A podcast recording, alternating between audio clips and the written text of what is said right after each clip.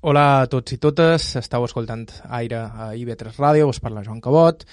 No tots els dies tenim l'oportunitat d'entrevistar una dona de 95 anys amb el cap clar, claríssim. A més, fia d'una mena de celebritat local del patró Joan Polà de Cala Sant Vicenç a la costa de Pollença, Mallorca.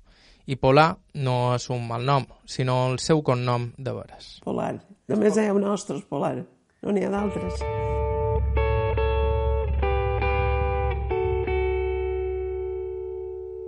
Antònia Polà, nascuda el 1925, va viure la Guerra Civil en aquell bocí de costa on, de fet, s'hi va instal·lar un camp de concentració amb presors republicans i on el seu pare i la seva mare eren una mena d'institució. Es patró i sa patrona, dues figures de referència dins d'aquella petita colònia de pescadors que durant uns anys també va ser refugi de pintors. Després vendria la pensió Niu i els primers turistes i el restaurant Es Patró, que encara és de la família Polà, però entre una cosa i l'altra hi ha tota una vida, la d'en Antònia, que és la que escoltarem en el programa d'avui. Això és Aire, a IB3 Ràdio, us parla Joan Cabot,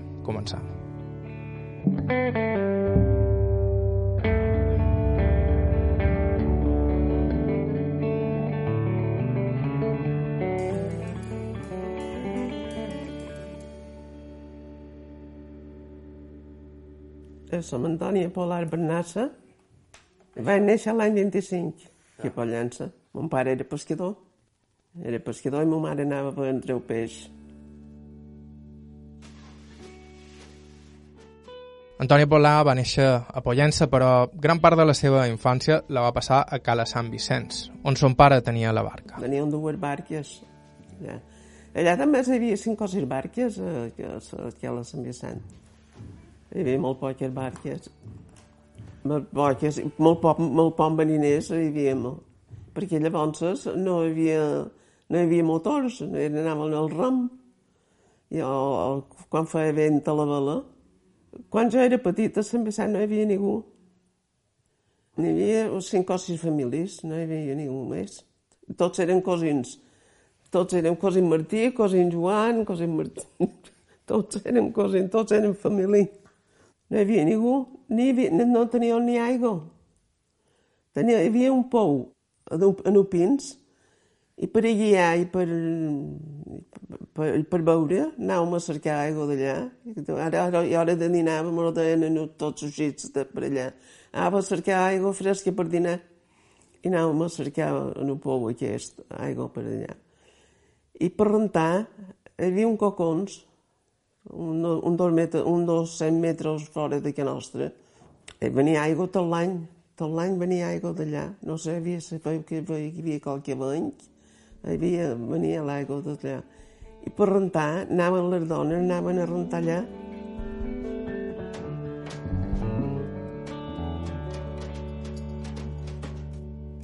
Mon pare, mon pare, mon pare tenia tota classe d'armatge de pescar perquè els altres només tenien armades que deien que són xerxes. Però mon pare tenia de tot i venia i, i tenia quan pescaven llagostes anaven a les nances a les llagostes. Perquè llavors no hi havia motors hi havia havien d'anar al rem i a, la vela i se n'anaven, jo no, ell no va sortir mai de, de, la cala de Sant Vicent. Sempre va estar, sempre va pescar a la cala de Sant Vicent. N'hi havia que se n'anaven els colombrets. Però no, mon pare no va sortir mai.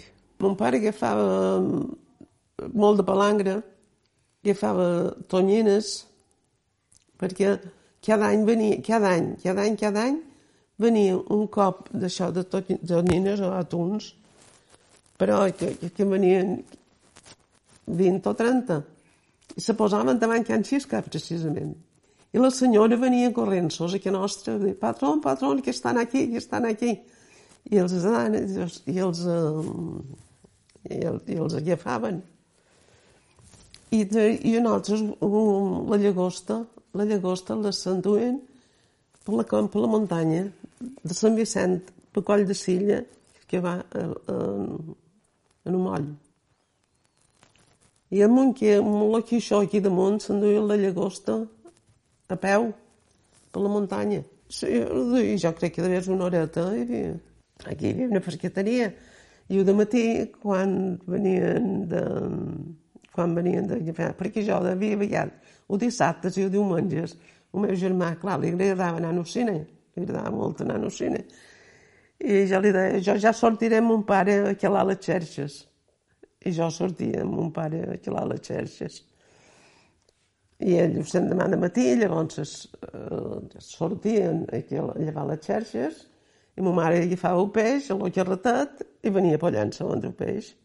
Quan havia llevat, venia per ja, ja, ja, ja, ja,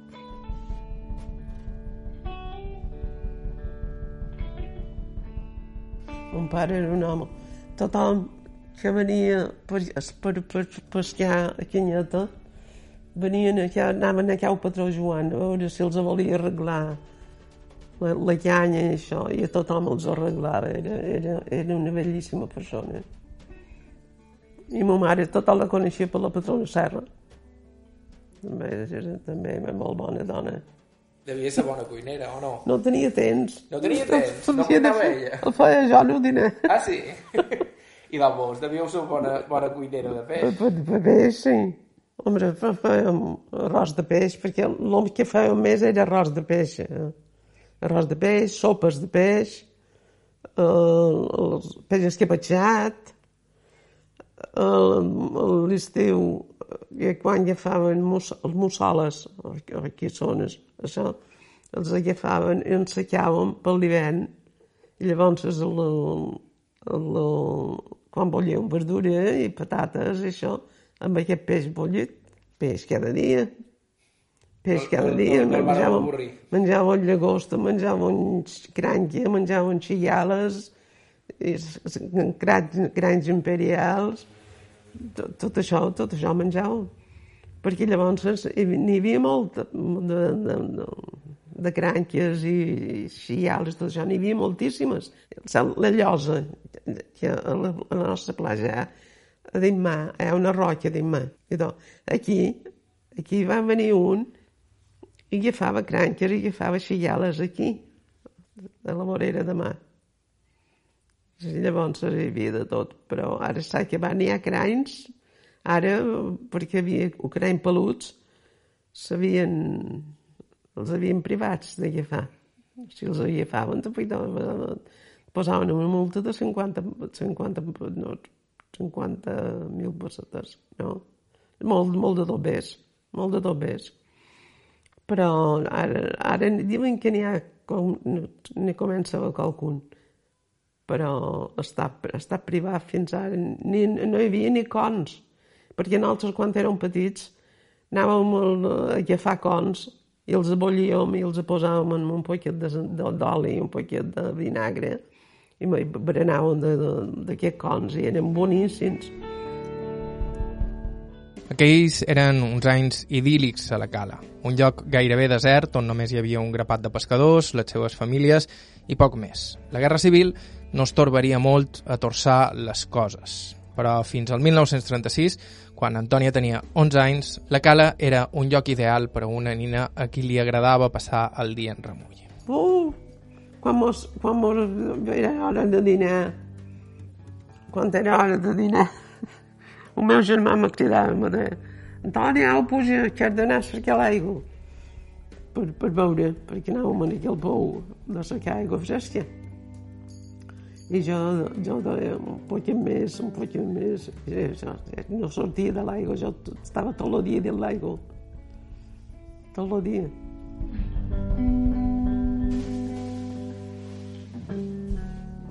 Nosaltres estàvem allà a la cala i quan, eh, quan era, jo era petita no hi havia ni ningú allà, allà de venir quatre pintors que per cert, com que jo era com mitja salvatgeta per allà, perquè a l'estiu estàvem a Sant Vicent, però a l'hivern veníem a l'escola aquí, i tots me volien pintar, i tots me pintaven, però no me van regalar cap quadre, ha ni un. Més que en Carlos Gor, també que ja, ja era més en vam, me va tornar a pintar i jo li vaig dir, jo voldria almenys una reproducció meva, que ell se va morir, a les germanes. Diu, si la t'enviarem. Me van enviar una cosa així. I de tot d'una allà no hi havia res, no hi havia res per allà. I hi havia uns pescadors que li deien aquest niu, i ells li varen dir, vosaltres mos faríeu menjar per, per això. I no tenien ni cuina. Feien un menjar davall d'una figuera, amb un, un, un fogó de carbó, allà feien un menjar. I, i, i aquests pintors anaven a dinar. Llavors se n'anaven a Pollença. I, però no, no hi havia res. No hi havia res. En aquesta cala no hi havia res. I llavors es van venir l'escat d'un parell d'anys, jo ja, ja era nada, era, era petita, varen venir uns, uns artistes de, de Palma de l'Hotel Victori per fer una pel·lícula a Sant Vicent. I d'això havien d'anar a Cala Molins, que hi havia un torrent a rentar allà, i estaren una setmana i feren aquesta pel·lícula, llavors ah, dinaven aquí a nostra, duien, els duien un dinar fet de l'Hotel Victori, eh, dinaven aquí a nostra i se vestien aquí a nostra i ells estaven una setmana i llavors se n'anaren. I jo per ventura tenia 5 o 6 anys. No tenia més. Teníem un carro i una somera. Ma mare venia cada dia, cada dia a vendre peix amb aquest carretet i la somereta. Venia a vendre, venia a vendre peix aquí. I llavors va venir un senyor, que li deien un senyor Bordoi, i no, a Cala Molins no hi havia cap, cap casa més que una, la, la en Xisca, que era d'uns senyors de Pollença. I aquest, i aquest Bordoi va fer un pou, allà on heu l'Hotel Molins, va fer un pou. Va trobar molta d'aigua. I llavors va fer, va dir, doncs jo, jo, jo ja m'arreglaré, i va fer un sofareig a darrere el cimer, a damunt d'aquella muntanyeta que va fer un sofareig. Se va posar a fer xalets i em va fer de vestits i, i, estava, i els venien, primer se, preferen, se feren un seu primer i després feren nosaltres i els varen vendre tots. I, hi havia aquests xalets, hi havia pots, cinc o sis també, ja sé, hi havia. I, i, ah, i venien aquí nostra, venia de patrona, mos guardareu peix demà. Eh, sí. I de, na Tonina, que jo me deien Tonina, no me deien Antònia, me deien Tonina ells, l'únics que me deien Tonina. La me'ls, me'ls adorar, la, la, la Tonina. Diu, sí, ja els adorar. Me n'anava i me donaven un duro de plata. Cada vegada que anava me donaven un duro de plata, jo més contenta.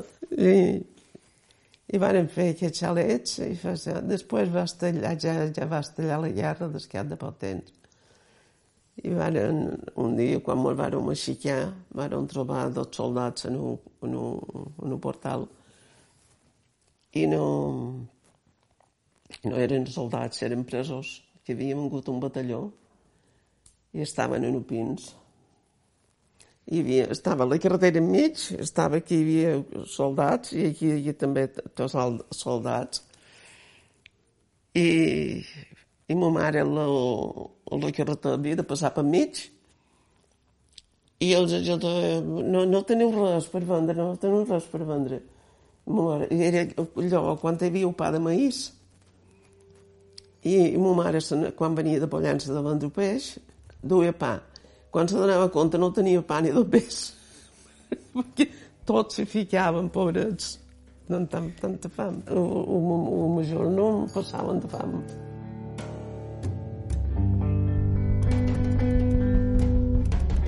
Era Antònia Polà, nascuda el 1925 a Pollença. Estau escoltant Aire a IB3 Ràdio. Fem una breu pausa i continuem amb la seva història.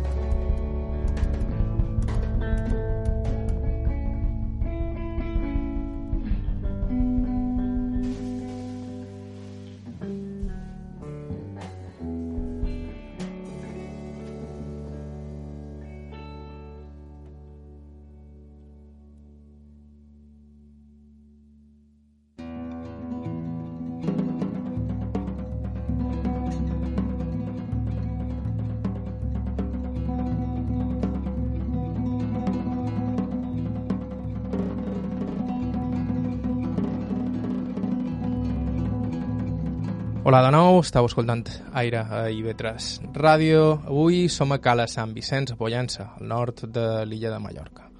Un lloc privilegiat, idíl·lic, sobretot en l'època en què s'hi va criar Antònia Polà, la protagonista del programa d'avui, nascuda el 1925. Amb ella ens havíem quedat precisament a les portes dels anys en què la cala deixaria de ser, encara que fos temporalment, un bocí de paradís per convertir-se en camp de concentració de presoners republicans durant la Guerra Civil. L'Antònia tenia 11 anys quan va esclatar el conflicte i recorda perfectament els fets d'aquells dies a Pollença. Amb una molla, una molla, mataren dos soldats, m'apareix. Mataren dos soldats i tothom venia per desesperat ja per Sant Vicent i el que tenien finques se n'anaven a les finques. Però el que no tenien així nosaltres teníem família i varen venir i, estaven allà. I després varen aquest niu ja tenien una pensió ja tenien una pensió aquí. I varen venir set, set catalans a Berenar, a Sassallots allà i els va agafar allà i no se'n van poder anar. I ja ni se'n van a fer càrrec, tot ho tens del, tot tens de la guerra. I un, un va venir un submarino fins a la punta de la torre i un amb un patín hi va anar per veure si, què, què volien. I és que cercaven rojos, els deien rojos, llavors que, que s'havien amagats, no sabien si estaven i, eren aquell castell i els els cercaven perquè, per, per, per, la, perquè la barques, perquè per la nostra platja.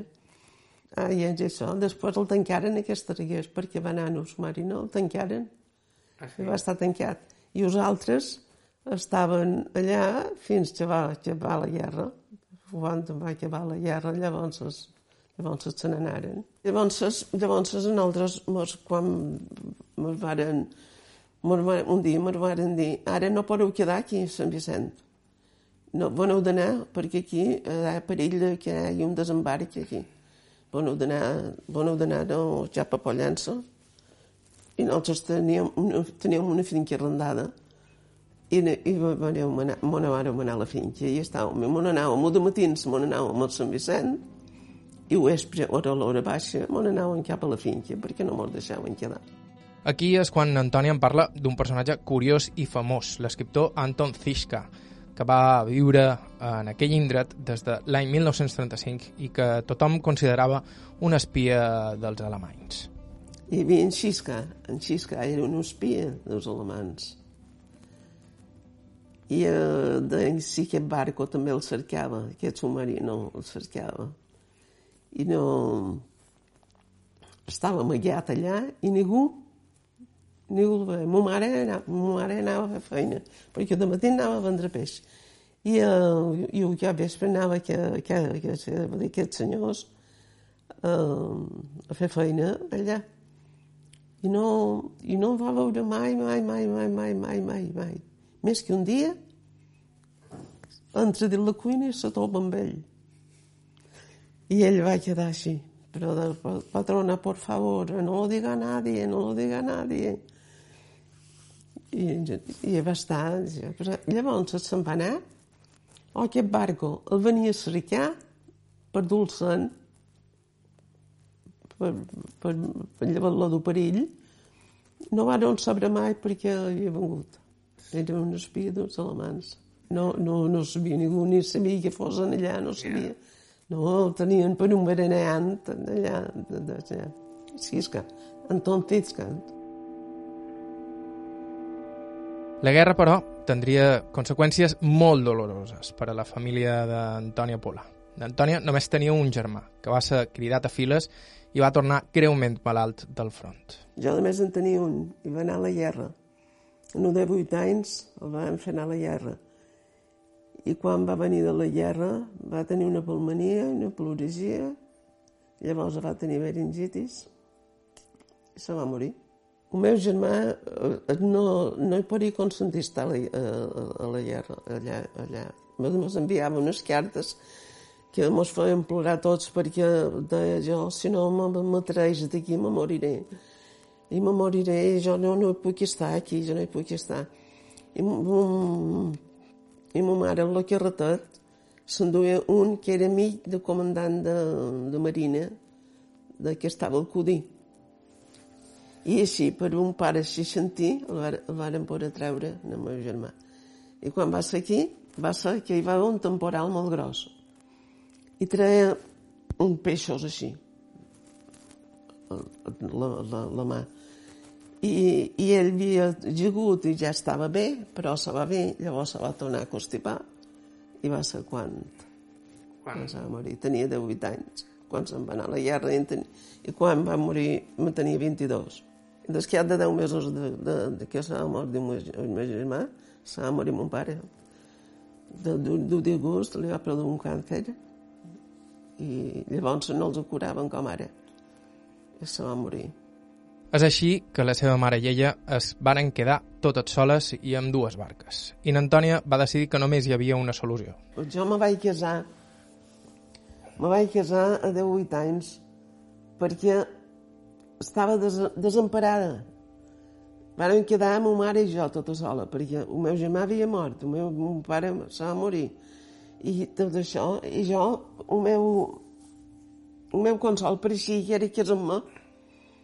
No m'hagués casat de tan jove, a millor. Però ma mare i jo totes sola. Les barques, que no sabien què havien de fer de les barques, els van vendre les barques, perquè nosaltres els havien... No, dic mentides. Primer, el meu home va pescar una temporada. Va pescar una temporada. Però llavors no li agradava molt pescar. I va, van vendre les barques i ell se va posar a fer feina. I quan jo me vaig casar feia quatre mesos i mig, mon pare s'havia mort. Me vaig casar aquí a les sis i mitja, a les sis del matí. No van fer res absolutament res, perquè llavors no feien res. No, no van fer res absolutament. I ni, ni siquiera me'n vaig anar de viatge. Anàrem un parell de dies a Sant Vicent. Això, ja no, ma, ma mare va quedar aquí. Això, això era tot. Això, això, això és la de mel. Eh? I com és que no li va agradar, allò de pescar, el vostre home? No, no, se va assustar perquè Sant Vicent, Sant Vicent era una mala mà, molt perillosa. I un dia sortia amb un tio i va, perquè quan se posava, se posava mal dents, a lo millor en 10 minuts no hi havia entrada d'allà.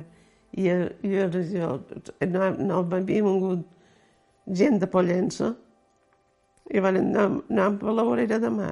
I jo vaig dir, aquesta mà augmenta. Estava la mà calma, calma, calma. I amb això va començar a fer zes, zes, a poc a poc, a poc a poc. I ells eren per fora, i m'ho van anar fins a la punta de la torre, i van tornar, i quan van tornar ja no hi havia entrada.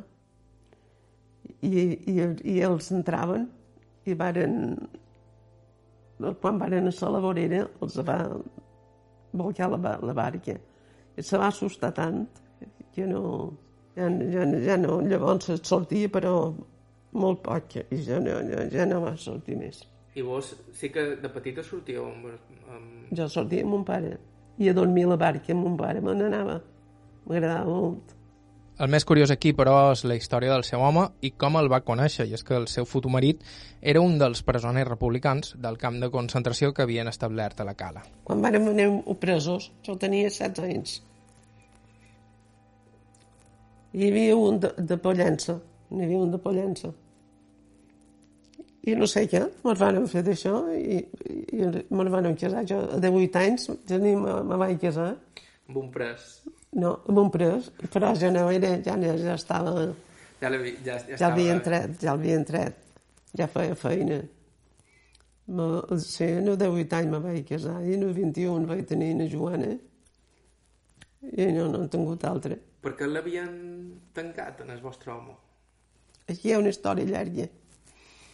Aquí el varen perquè el seu, el seu germà era republicà i el cercaven perquè el volien tancar.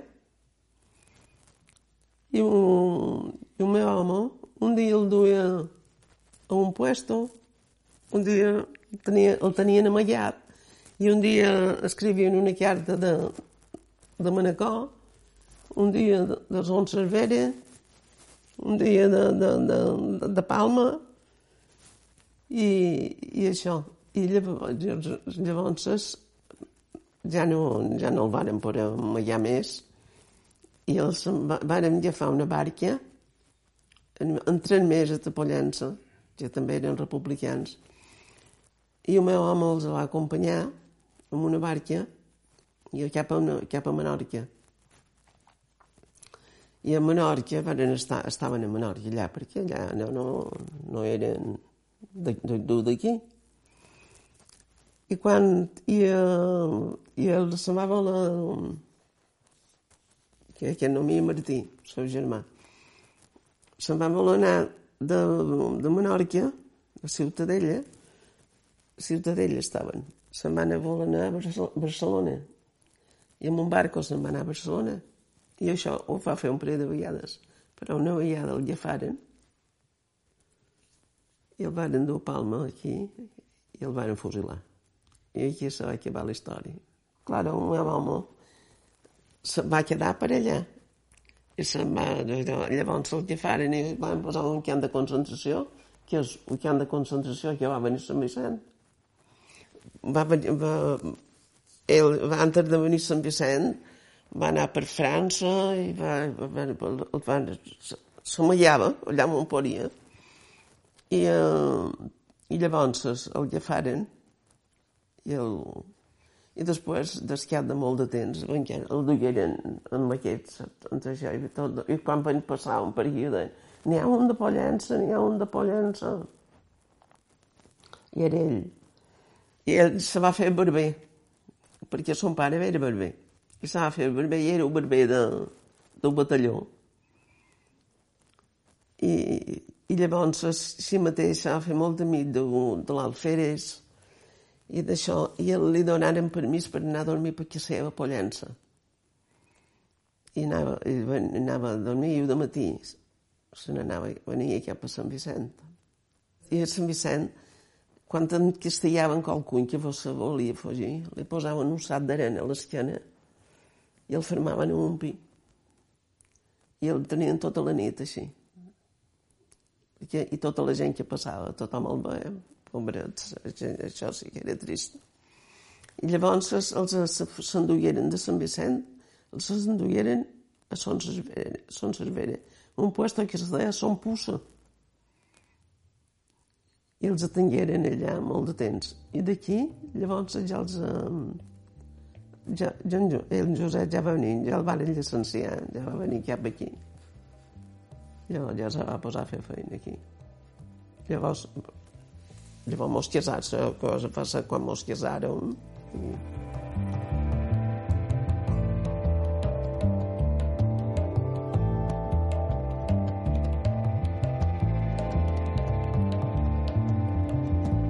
L'home d'en Antònia va tenir relativa sort perquè era molt jove quan el varen detenir i perquè després es va guanyar la confiança d'algunes persones que el varen poder ajudar perquè la vida de Pollença no va ser gens fàcil per a algunes de les persones tacades per les sospites del règim. De fet, n'Antònia m'explica alguna història esfereïdora. I de va dur sort, el vostre home? Sí, sí, sí, sí. Sí, perquè era, era jove, tenia 18 anys, quan això, i, i, i, se, i normal que se'n va anar i va estar molt de temps. Va estar, jo crec que va estar un 20 i pico d'anys. Va estar, va venir. No, va venir, ell, ell estava aquí, estava aquí, feia feina i estava molt bé. Sí, estava bé, no li feien, no. No, no, no, no, no. Perquè quan hi havia la guerra, hi havia un, un, aquí hi havia un saig que, que, feien pregons. I quan, quan se n'anà, mataren molt de pollença. Mataren molt de pollença aquest, aquest ossatge aquest de... Me'n vaig, hi havia un bar de vora que seva. De, me'n vaig a Matances. I era quan anàvem a tenir aquest variant. I, i molts, molts se n'anaven a casa seva a cercar-los i ja no tornaven. Era assaig de, de l'Ajuntament? Sí, sí, sí, sí, sí, sí. Era un petit engraçat, per què el vegi. Tothom, tothom estava assustat. Tothom estava assustat perquè de, jo que sé, si vendran aquí nostra n'hi va haver que si mateix, n'hi va haver que s'amagaren i no els varen, no els varen fer res, però en mataren bastants.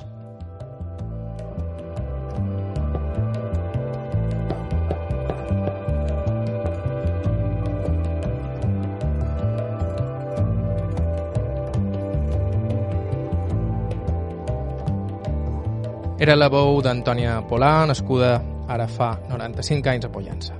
Estau escoltant IB3 Ràdio, això és Aire. Fem una breu pausa i continuem.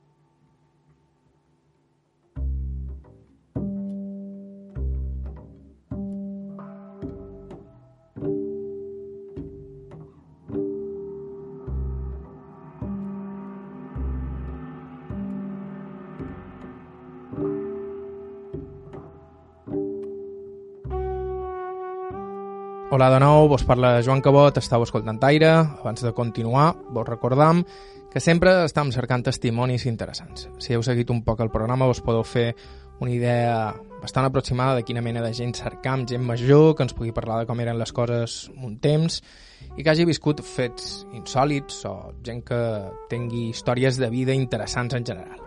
Si teniu algun suggeriment o proposta, ens podeu escriure a aire.ivetresradio.com o bé ens podeu deixar un missatge al 971 13 99 31. 971 13 99 31.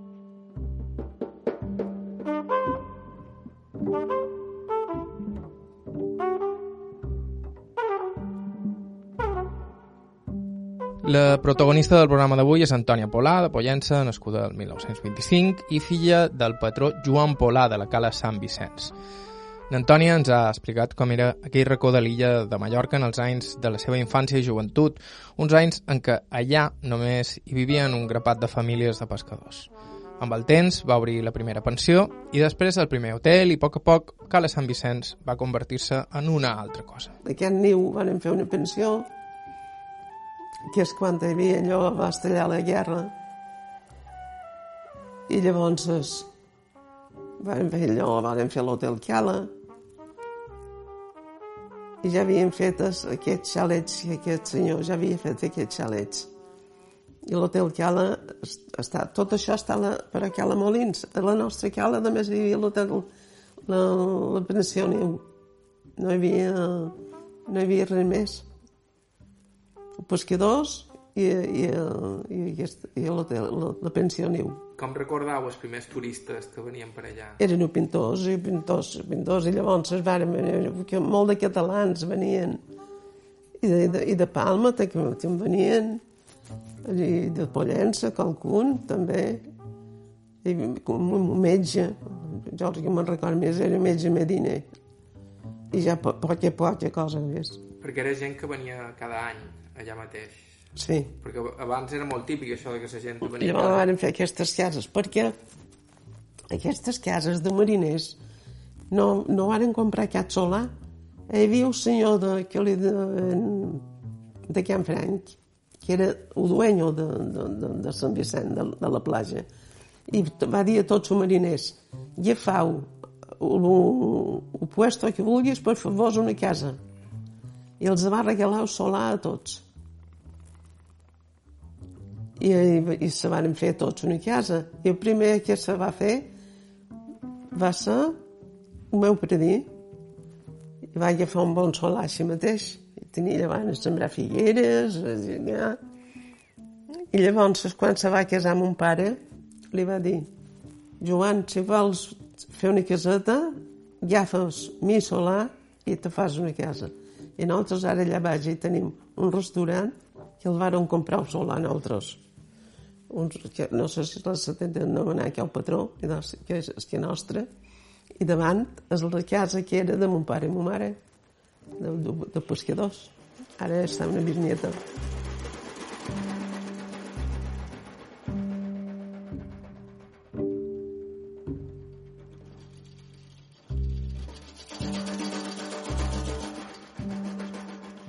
Com altres negocis d'aquella època, el restaurant va néixer sense cap pretensió, bàsicament amb la idea de posar cafès als treballadors que en aquells dies feien la carretera de les Coves Blanques.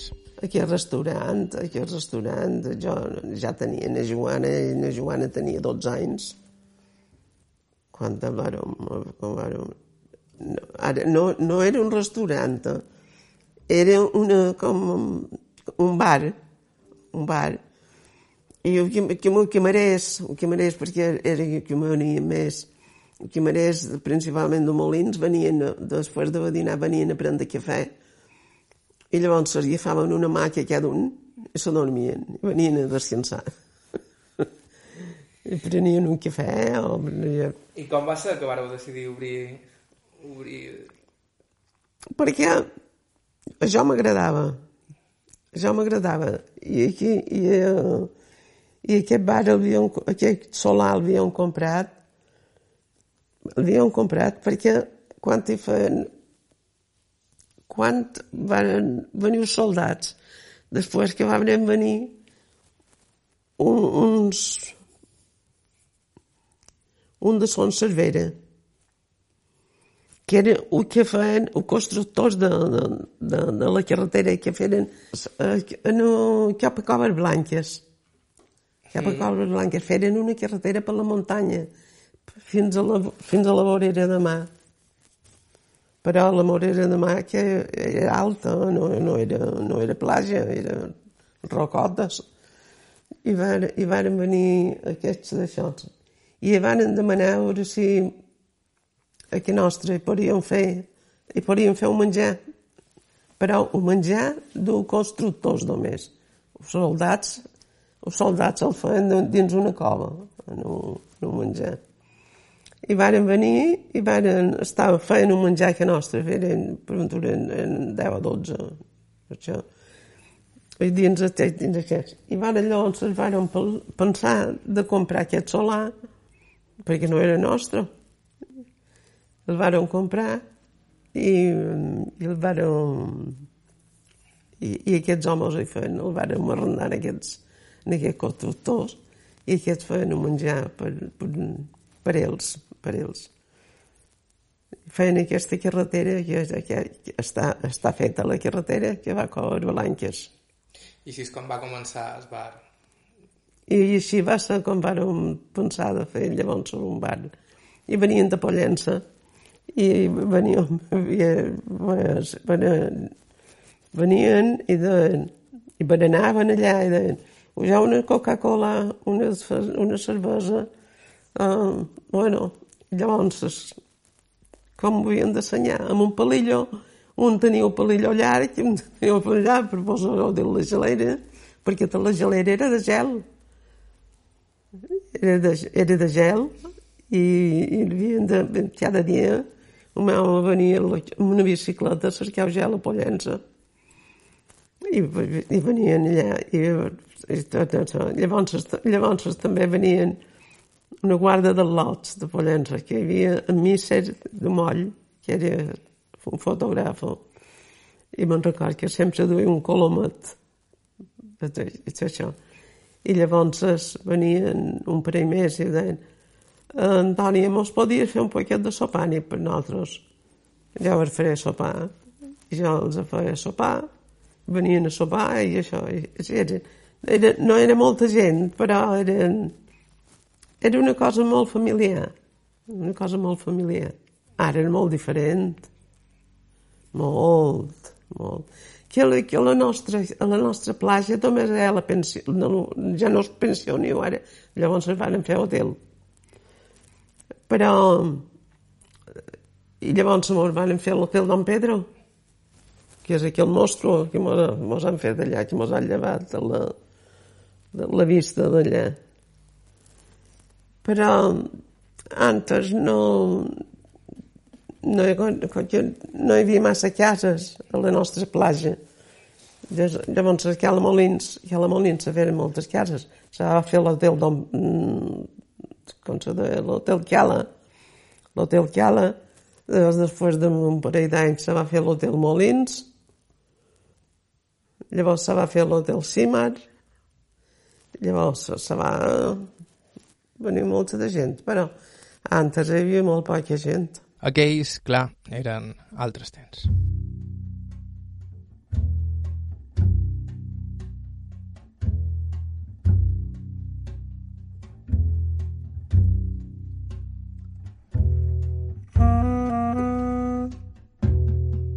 I fins aquí el programa d'avui. Moltíssimes gràcies a Antònia Polà i a la seva filla Joana pel seu temps i amabilitat i moltíssimes gràcies també a Tomeu Barceló que va ser qui ens va posar en contacte amb ella.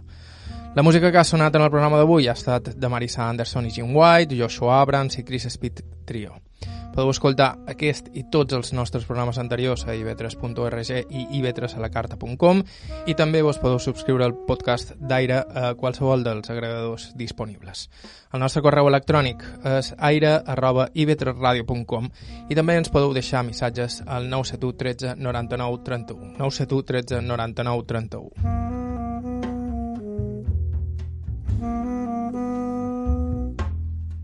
Bàrbara Ferrer, la producció executiva, vos ha parlat. Joan Cabot, gràcies per ser a l'altre costat i fins la setmana que ve.